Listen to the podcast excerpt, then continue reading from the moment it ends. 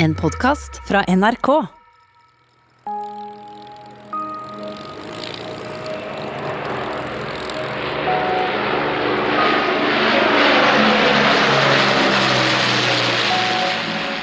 November 1942. Britiske soldater skal lande på Hardangervidda med glidefly. Som en festning i stål og betong reiser fabrikken seg midt i fjellveggen. De skal sprenge tungtvannsfabrikken på Rjukan for å hindre at Nazi-Tyskland utvikler ei atombombe. Ich brauche 5000 Kilo. Her faller sakte, dråpe for dråpe, en dyrebar væske. Tungt vann.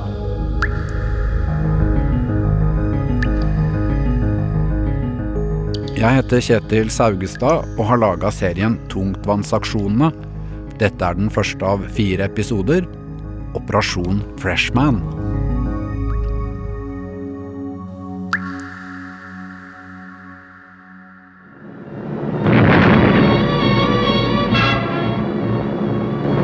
Selve snøen skyter flammer under slagene fra den mest fryktinngytende krigsmaskin verden hittil har kjent. Filmen 'Kampen om tungtvannet' fra 1948 forteller med patos om hvordan Nazi-Tyskland vinner på alle fronter i første halvdel av andre verdenskrig. Ennå er det ingen makt som kan stanse den. I 1942 går amerikanerne for alvor i gang med å få laga ei atombombe, og skjønner at de kommer til å klare det i løpet av et par år. Da stiger panikken. Hva om Nazi-Tyskland kan ha kommet lenger i kappløpet? For å lage tyske atomvåpen trengs norsk tungtvann, og det produseres i stor skala i kjelleren på en fabrikk på Rjukan. A seven-story steel and concrete building. And the heavy water room right at the bottom, there.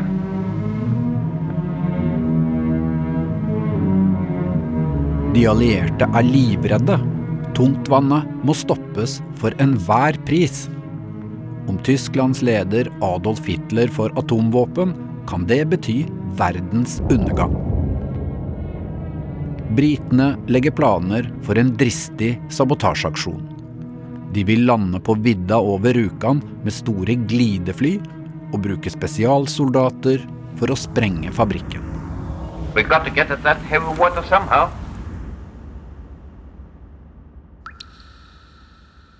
Tungtvann blir oppdaga på begynnelsen av 1930-tallet. Det finnes naturlig i små mengder i helt vanlig vann. For å utvinne tungtvannet kan man kjøre store mengder strøm gjennom beholdere med vann, noe som kalles elektrolyse. Den unge professoren Leif Tronstad og Norsk Hydro-ingeniøren Jomar Brun skjønner tidlig at den store hydrogenfabrikken på Rjukan er et perfekt sted for å lage tungtvann. Det var eh, jeg og professor Tronstad som hadde fått Hydro til å gå i gang med denne produksjonen. At vi hadde konstruert apparaturen for det. Det er et spennende, nytt produkt, men i starten vet ikke Norsk Hydro helt hva det kan brukes til. Da eh, trodde man at tungtvann kunne få en verdi innenfor biokjemisk forskning, eller medisinsk forskning. Gunhild Lurås er historiker på Norsk Industriarbeidermuseum på Vemork. Man trodde f.eks. at det kunne kurere kreft.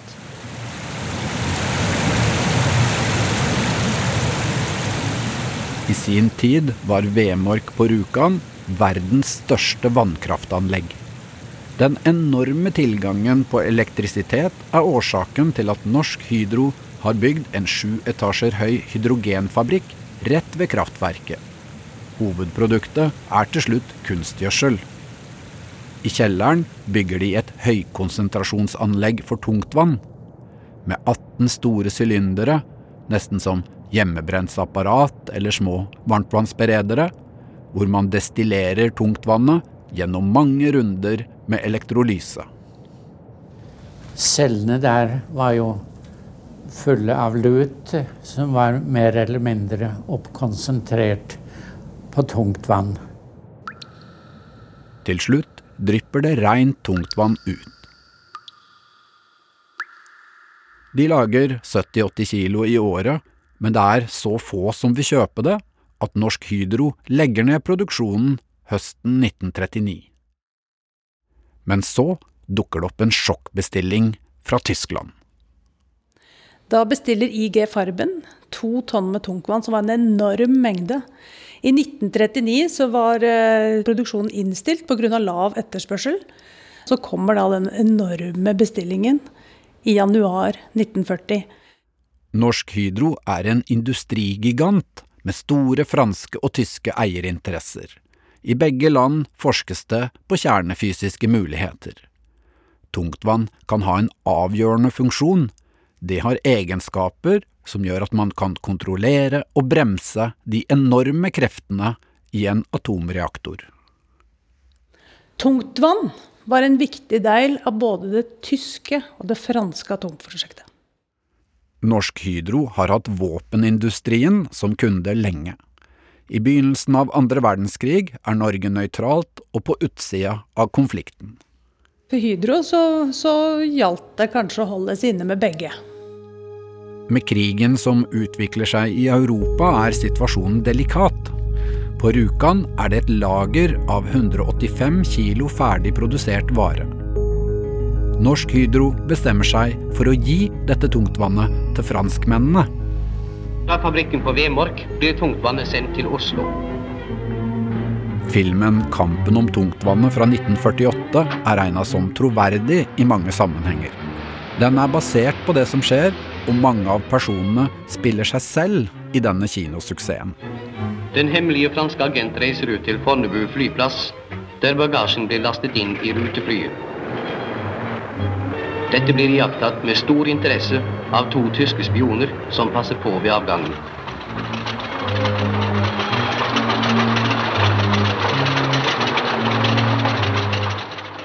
Det tyske atomprosjektet det var avhengig av to råvarer eh, som var vanskelig å få tak i. Det var tungtvann, og det var uran. Med okkupasjonen av Belgia så hadde de fått tak i uran. Og så var det da eh, tungtvann fra Vemork som var den andre viktige delen. Etter at Nazi-Tyskland går glipp av Hydros lager av tungtvann, så går det bare en måneds tid til okkupasjonen av Norge. 9. april. Den tyske krigsmakt overfaller Norge. Svarte vinger dekker himmelen. Svære tanks velter fram på de trange norske veiene. Tyskerne marsjerer snart inn i Rjukan og besetter fabrikken på Vemork. Rjukan har rundt 5000 innbyggere og er i praksis en by bygd opp av Norsk Hydro. Jens Anton Paulsson vokser opp i en moderne, arkitekttegna, men klassedelt by. Jeg hørte til eh, topplaget og bodde vel i det huset som lå finest til i hele Vestfjorden for å få solen tidlig om, om, om våren, tenker jeg. Fabrikkbyen ligger inneklemt i en trang dal, og Norsk Hydro bygger ei taubane for at folk skal komme seg opp på fjellet. Og det var min far som fra Hydros side, som sjef for Rjukan byanlegg, var eh, mye av eh, initiativtaker til denne banen. Under oppveksten er Jens Anton veldig interessert i jakt og turer på Hardangervidda. Når tyskerne kommer, er han ferdig med befalsskolen og sterkt motivert til å slåss for Norge. Det jeg opplevde den krigen, var ikke stort. Det var Østfold. Jeg så ikke en tysk soldat igjen.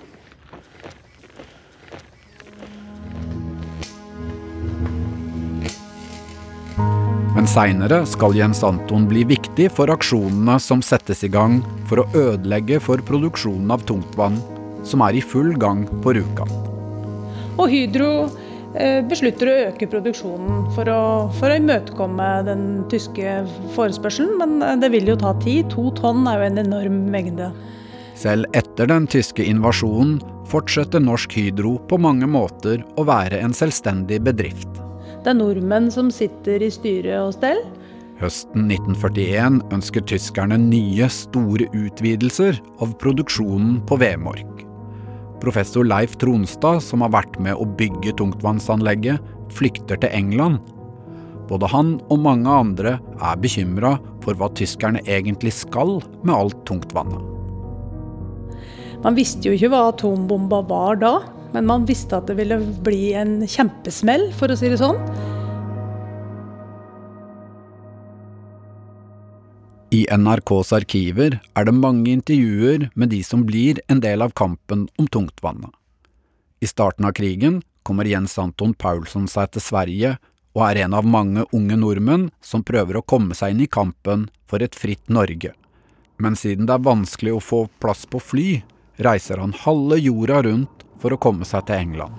Så for å komme videre så måtte du rundt Afrika i virkeligheten og få visum til disse forskjellige landene. Det tok forferdelig lang tid. Forferdelig mye byråkrati. Han reiser i et halvt år til Finland, gjennom Sovjetunionen med tog, via Midtøsten til India, til Sør-Afrika, og så båt i konvoi til Liverpool. En av de beste barndomsvennene til Jens Anton er Klaus Hellberg. Klaus er grenselos mellom Norge og Sverige i begynnelsen av krigen. Han blir arrestert og soner fire måneder i svensk fengsel. Ja, nordmenn hadde ikke lov til å bruke Sverige som operasjonsbasis for oppdrag i Norge. Klaus fortsetter som grenselos før han får et spennende tilbud. Han blir håndplukka til å få opplæring som sabotør og få plass på fly til England. Det var eh, grundig militær opplæring. Eh, først en tre-fire uker i de norske styrkene der oppe i Skottland. Eh, så ble jeg kalt til eh, London og fikk beskjed om at jeg skulle inn i Lingekompaniet. Her treffer klassekameratene Klaus og Jens Anton hverandre igjen og går inn i hard trening. Ja, det var alt mulig som en sabotør måtte kunne. Eh, fallskjermhopping f.eks., eh, våpenbruk, og vel spesielt eh, industrisabotasje. Kompani Linge er den norske delen av en britisk spesialavdeling for grupper som skal slippes ned bak fiendens linjer.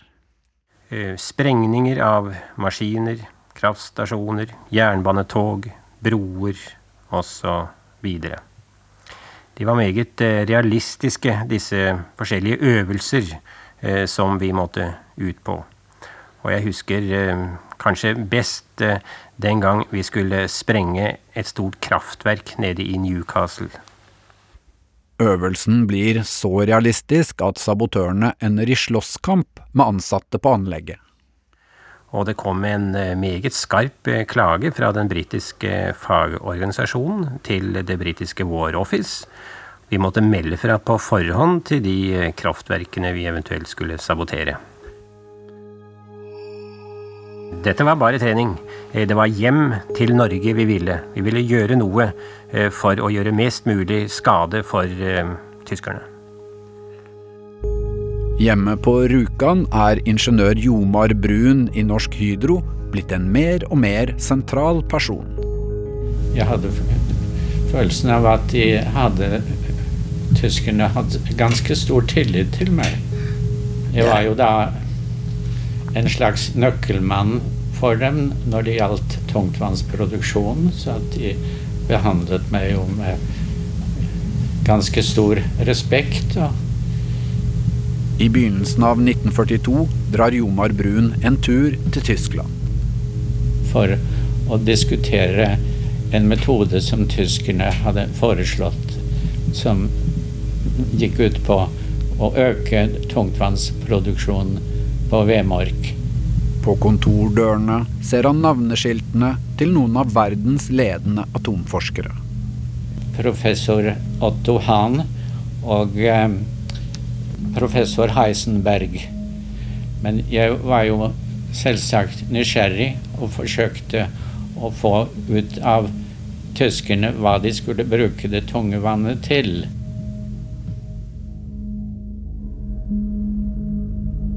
Vinteren 1942 er det en stigende uro for tungtvannsproduksjonen Men det er mer fokus på andre ting som norsk industri lager for tyskerne. Norsk Hydro er et viktig mål for etterretning. Da passer det bra at Einar Skinnaland, som er fra Rjukan-traktene, kommer seg til England på spektakulært vis. Sammen med fem andre kaprer han en rutebåt utafor Flekkefjord og seiler den over Nordsjøen. Han drar dit for å ordne samband mellom den spirende motstandsbevegelsen Milorg og britene. Og Einar, han kom jo nærmest som bestilt. Sier lokalhistoriker Tor Nikolaisen. De trenger jo en agent i SOE plassert på Rjukan. Det britiske sabotørkompaniet SOE vil bygge opp motstandsgrupper i området. Selv om Einar Skinnaland egentlig er utdanna radiooperatør, så jobber han for Norsk Hydro på utbyggingen av et damanlegg. Så han blir rett og slett headhunta eh, som eh, agent, og blir sendt på et lynkurs i fallskjermhopping. Nå gjelder det å få Einar tilbake til Rjukan før noen mistenker hvor han har vært. Men det gjelder jo å være tilbake hurtigst mulig. Ja, vi kan droppe deg i natt hvis været holder. Vanskeligheten blir å få deg ned på rette sted. Å, nei da, det greier seg nok. Får jeg bare et par gode ski, skal jeg være hjemme til middag i morgen. det er fint. Altså, kontakt Vemork. Kontakt med oss. Lykke til. Takk. Da Einar er tilbake på Rjukan, har han vært borte i ti dager, og tyskerne har fått det med seg. Og kommer tilbake til jobb, eh, og så blir han avhørt om hvorfor han har vært borte. Og da skylder han på at han har vært på reinsjakt og ligget værfast i fjellet. I virkeligheten så har han altså vært i England på kurs. Og dette blir i første omgang godtatt. Et av oppdragene til Skinnaland er å få ut mer informasjon av Jomar Brun. Det er uklart når ingeniør Jomar Brun selv forstår at tungtvannet kan være noe mer avgjørende enn en god salgsvare for selskapet. Det var først under krigen det ble ansett for å være krigsviktig. I 1942 setter USA i gang sitt store atombombeprogram. Manhattan-prosjektet er en gigantisk satsing med over 100 000 ansatte. De allierte skjønner at de kommer til å klare å lage et forferdelig våpen, ei atombombe, i løpet av et par år. Britene begynner å ta dette her på alvor når de sjøl finner ut at det er mulig å lage en atombombe. Det skjer store gjennombrudd i atomforskningen, og alt blir holdt svært hemmelig. Og så lurer man jo på om, eh, om hvor langt uh, tyskerne har kommet i prosjektet. Ingen vet sikkert hvor langt Nazi-Tyskland er kommet, men man vet at den tyske metoden avhenger av norsk tungtvann, så det blir avgjørende viktig å stoppe leveransene. Da går alarmen, og den bestemmer seg for å gå til aksjon. Jomar Brun blir etter hvert en viktig informant for britene. På professor Tronstads kontor i London hoper det seg hver dag opp nye meldinger om det som foregår på Vemork. Rapporter, mikrofotografier og detaljerte skisser fra tungtvannsfabrikkens sjef, ingeniør Brun og andre folk på hjemmefronten blir smuglet over grensen til Sverige og når fram til London. Samarbeidet mellom britene og norske myndigheter i London har vært anstrengt. De allierte ønsker aktiv krigføring og bombing i Norge. Nordmennene er mer tilbakeholdne, de vil ha minst mulig ødeleggelser og er redde for sivile tap. Leif Tronstad er bindeledd mellom den norske overkommandoen og Kompani Linge, som er under britisk kommando. Kanskje mest fordi at han kan mye om norske industrimål og tungtvann. Det er jo derfor han blir plassert der. Ikke fordi han nødvendigvis er en meget dyktig offiser, men han er jo først og fremst vitenskapsmann og kjenner jo eh, målet eh, som sin egen bukselomme. De allierte bestemmer seg for at nå må tungtvannsproduksjonen stoppes, og tenker i første omgang på å bruke bombefly. Men i filmen fra 1948 vinner Tronstad fram med sitt syn, som er å bruke en målretta aksjon med sabotører og sprengstoff.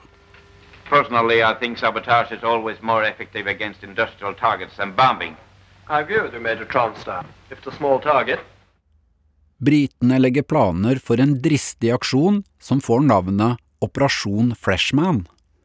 De skal bruke nyutvikla glidefly laga av tre.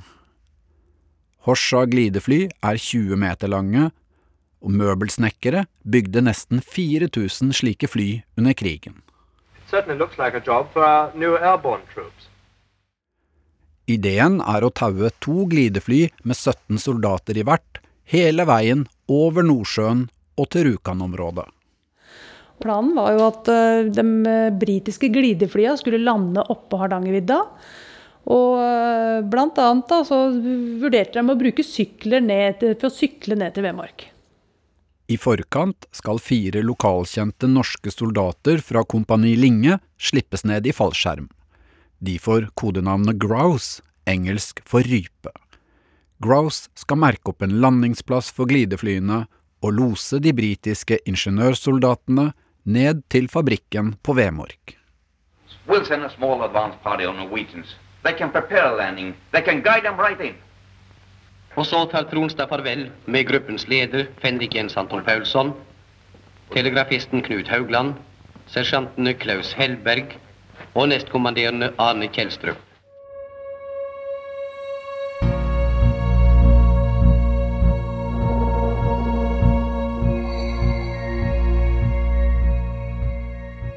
Det er i midten av oktober 1942.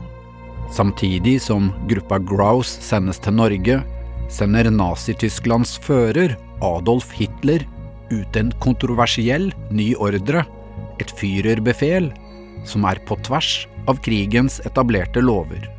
Soldater som blir tatt på oppdrag bak de tyske linjene, skal ikke lenger behandles som krigsfanger. De skal henrettes.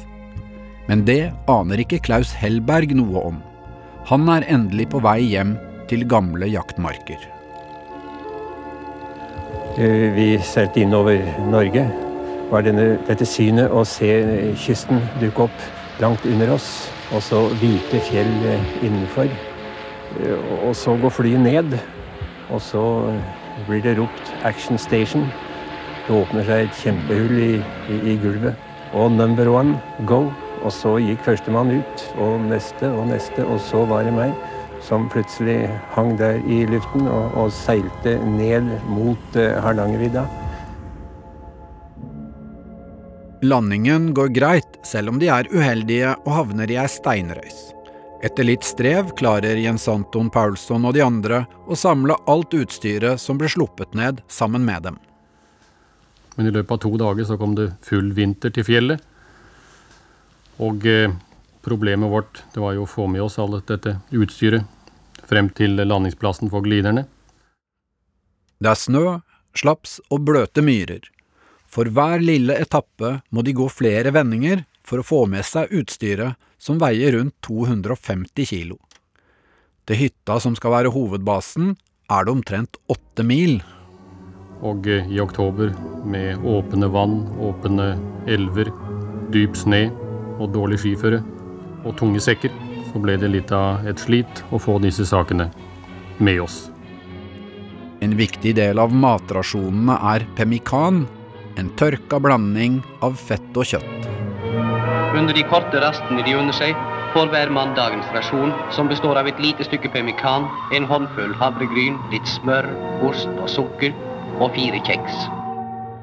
Etter et par tunge dagsmarsjer kommer de seg til en øde fjellgård. Til sin store overraskelse finner Jens Anton en skikjelke han kjenner igjen. Det utrolige er, sier Paulsson, at det er hans skikjelke. Som han har lånt bort til norske styrker i Rjukan-området i aprildagene 1940. Nå finner han sin egen skikjelke igjen inne på Hardangervidda, på treet på uthuset på Bærumnuten fjellgård. Med en kjelke går det lettere å frakte utstyret. Men de har et stort problem. De får ikke kontakt med England fordi det er noe galt med radiosenderen. Hver kveld føler de seg mer ensomme, mer forlatte i det store fjelløret. På ny bryter uværet løs over vidda, og det er samme slitet om igjen.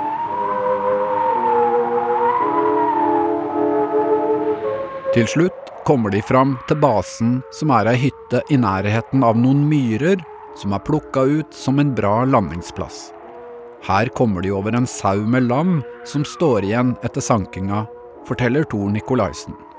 De koker jo en, en diger kjele med sauekjøtt, da. Og så skal de endelig liksom få fylt på litt igjen. Nå har de levd på, på pemmikan og, og ra, små rasjoner, ikke sant. Og Paulsson han eh, allierer kokk, da. Han skal da slenge denne gryta fra vedkomfyren og bort på bordet hvor disse sultne ulvene sitter og venter. ikke sant? Og så går han på rumpa på en isvull, da, for det er jo primitiv hytte, dette her. Så han sklir på gulvet. Og der detter både han og suppekjelen, og suppe og kjøtt flyter utover dette gulvet. Og da ligger det altså fire gutter og slurper suppe og gnager på kjøtt på dette gulvet inni den der drengestua, da. og seinere så har de da kalt denne hytta for saueslakt. Den manglende radioforbindelsen er et kritisk problem. Det er blanda feil syre i batteriet, så det gir ikke riktig spenning til, til, eh, til radiostasjonen. Så i England så begynner man jo å avskrive denne gruppa, Grouse. Vi hører ikke fra dem. Lederen av Grouse, Jens Anton Paulsson, bestemmer seg for at de må søke hjelp. Vår ordre da vi forlot England var jo at vi ikke skulle ha noen kontakt med folk hjemme pga. represalier, for det, på det tidspunkt var det jo ikke utbygget noen motstandsorganisasjon av betydning her hjemme. De oppsøker broren til Einar Skinnaland, den første sabotøren som hoppa ut i fallskjerm et halvt år tidligere. Broren er vokter på demningen over fabrikken på Vemork, og han låner dem et bilbatteri. Etter ti dager får de endelig liv i radioen.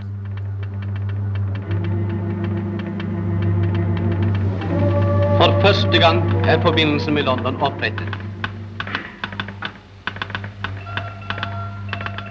De britiske ingeniørsoldatene som skal sendes over med glidefly, ligger i trening i høyfjellet i Skottland og øver sprenging på en modell av tungtvannsrommet laga i naturlig størrelse.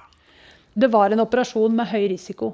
Freshman, det ligger i ordet, betyr nybegynner. Det var mye nytt teknisk utstyr som de ikke hadde brukt på, uh, så før. Bl.a. Uh, glidefly, ikke på så lang avstand. Operasjon Freshman-soldatene har lite håp om å slippe unna etter en sprengningsaksjon. De har altså ingen vinterutrustning. Det er full vinter i Norge blitt. De har mat for et par dager. Det er alt de har, og et norgeskart i lomma med ordre om å ta seg til Sverige. Eh, og det er jo det som er den betenkelige delen av operasjonen her. Men det er der man kommer fram til dette uttrykket med one way ticket, eller eh, no return operation.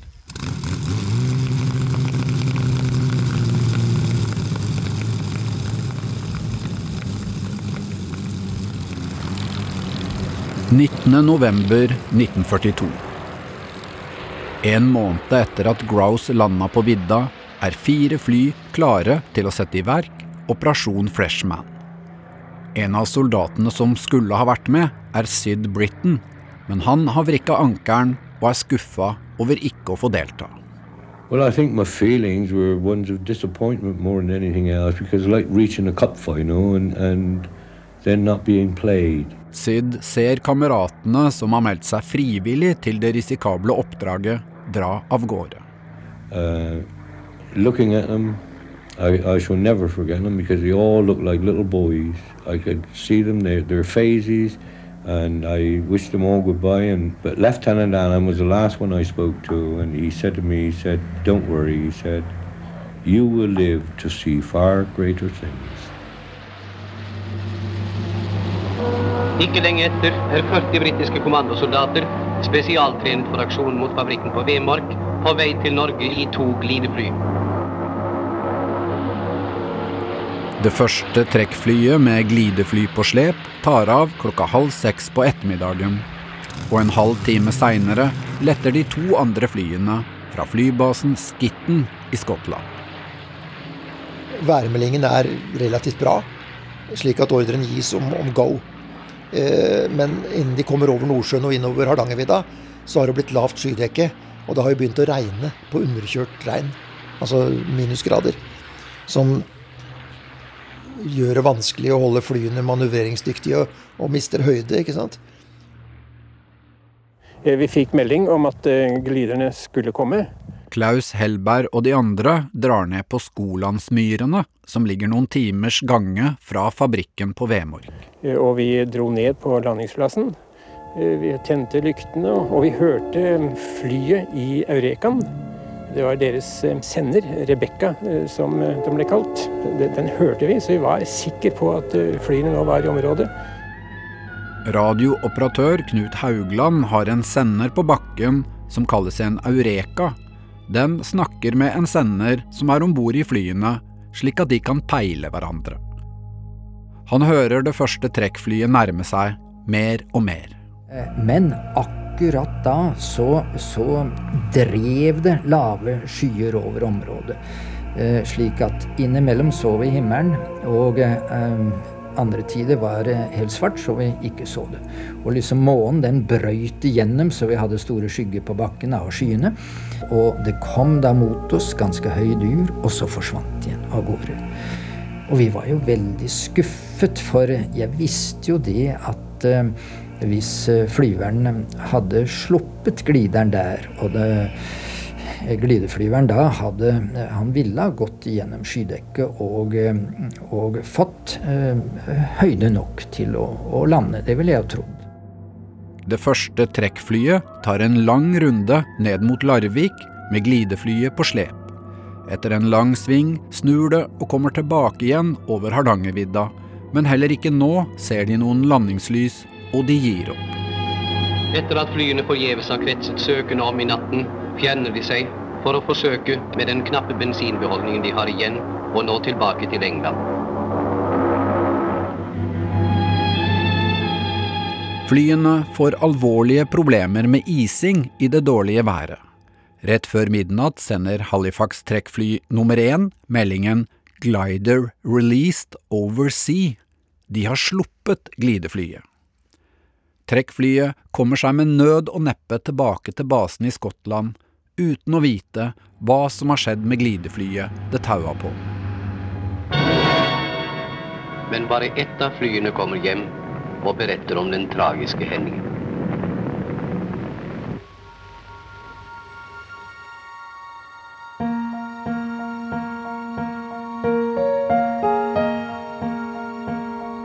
Det andre trekkflyet, med glidefly nummer to på slep, har havna inn i det samme dårlige været på vei inn over norskekysten. Før midnatt sender de en melding til England om at de vil avbryte oppdraget. På 80-tallet intervjua NRK Rogaland flere vitner til det som skjer videre. Johannes Munkejord hører flydur rett over gården på Helleland utafor Egersund. Da kom det lågt over huset. Rett, så å si rett over huset hjemme. Da gikk jeg ut og så, så ville kikke på det. Da fikk jeg se det blinkte imellom, imellom skydekken. Så var det bare lite grann, så kom det et stort smell, og så så jeg ildflammen. Da gikk det i Hestadfjellet. Han får med seg en nabo og er ved flyvraket en time etterpå. Brannen var slukt.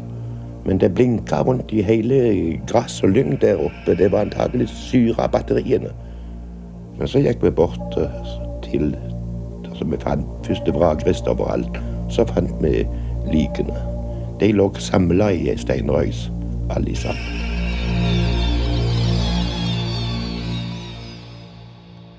De sju om bord i trekkfly nummer to er drept momentant. Men det har gått litt bedre med glideflyet. Det lander noen kilometer unna, og her omkommer tre mann, mens 14 klarer seg uten alvorlige skader. I grålysninga klarer et par av dem å hente hjelp i bygda, og Trond Hovland er en av de som blir med dem opp til det havarerte glideflyet. Da jeg kom til stedet, da viste det seg at dette flyet det, det, var, det var, knust. og Det lå bare som en, en haug. Og disse her engelskmennene de hadde roa seg til i soveposer eller tepper eller hva det var rundt omkring der. For de britiske soldatene må det ha virka håpløst å skulle ta seg helt til Sverige uten å bli oppdaga. For bygdefolket ville det være en stor risiko å forsøke å skjule dem. Og vi kom da til syvende og slutt til det resultatet at det var ikke noen annen måte enn at vi fikk underretta det tyske kommandatur i Egersund og be de sende lege og, og ta med sykebårer. Soldatene blir henta i lastebiler og regner med å havne i krigsfangenskap. En av dem gir en hilsen til de som står igjen. To fingre i været. V for victory. Jeg husker det var en, en, en av disse engelske soldatene så idet de kjørte ut, så gjorde han V-tegnet til meg. De 14 soldatene blir kjørt til Slettebøleiren og avhørt. Utpå kvelden blir alle henretta, selv om de er soldater i uniform. På ei sandstrand ved Ogna får polske krigsfanger jobben med å grave ned likene, i skjul av nattemørket.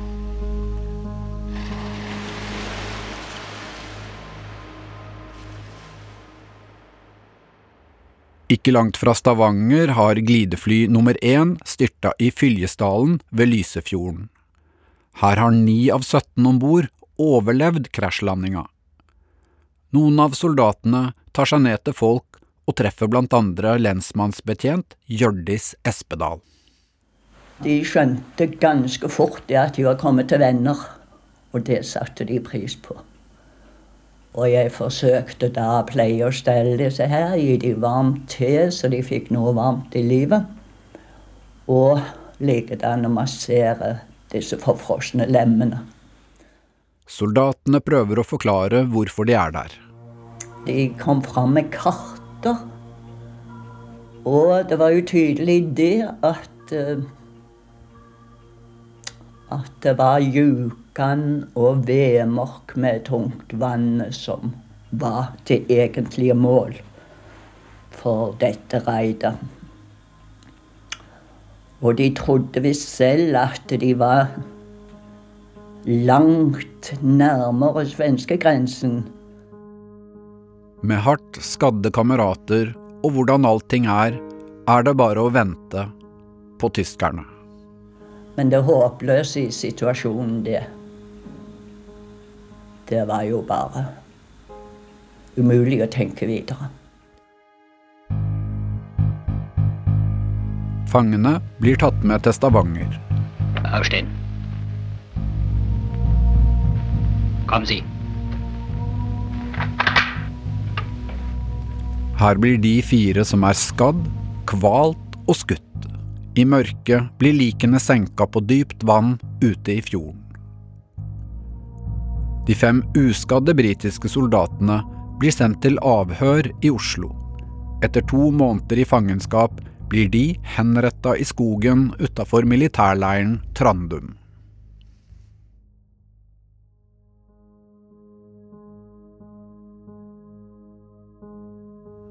I ei tysk nyhetsmelding et par dager etter operasjon Freshman blir det fortalt at de britiske soldatene gjorde motstand og falt i kamp men de allierte får nokså raskt vite hva som egentlig har skjedd.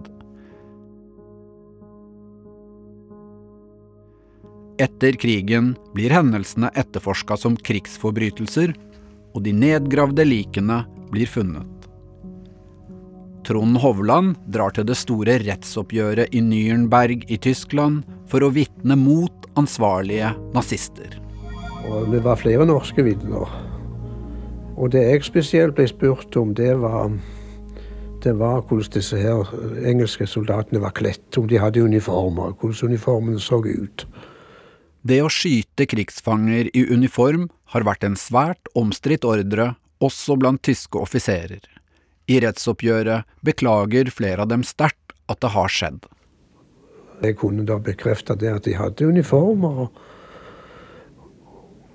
og så ut som soldater.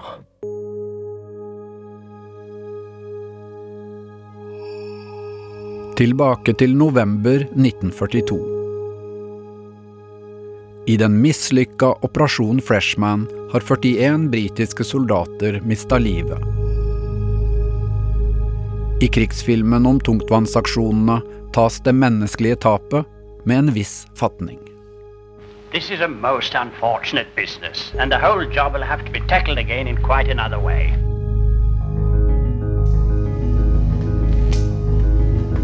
Fabrikken på Rjukan produserer fortsatt tungtvann for fullt til atomforskningen i Nazi-Tyskland. Ingen vet hva som er neste trekk, men noe må gjøres. Ved ransakingen av soldatene før henrettelsen har nazioffiserene funnet et avslørende kart. Rjukan, det betyr tungtvannet. Vaktposten omkring Vemork blir mangedoblet, men i London tar sjefen for Special Forces seksjon for Norge, oberst Wilson, og major Tronstad kampen opp på ny.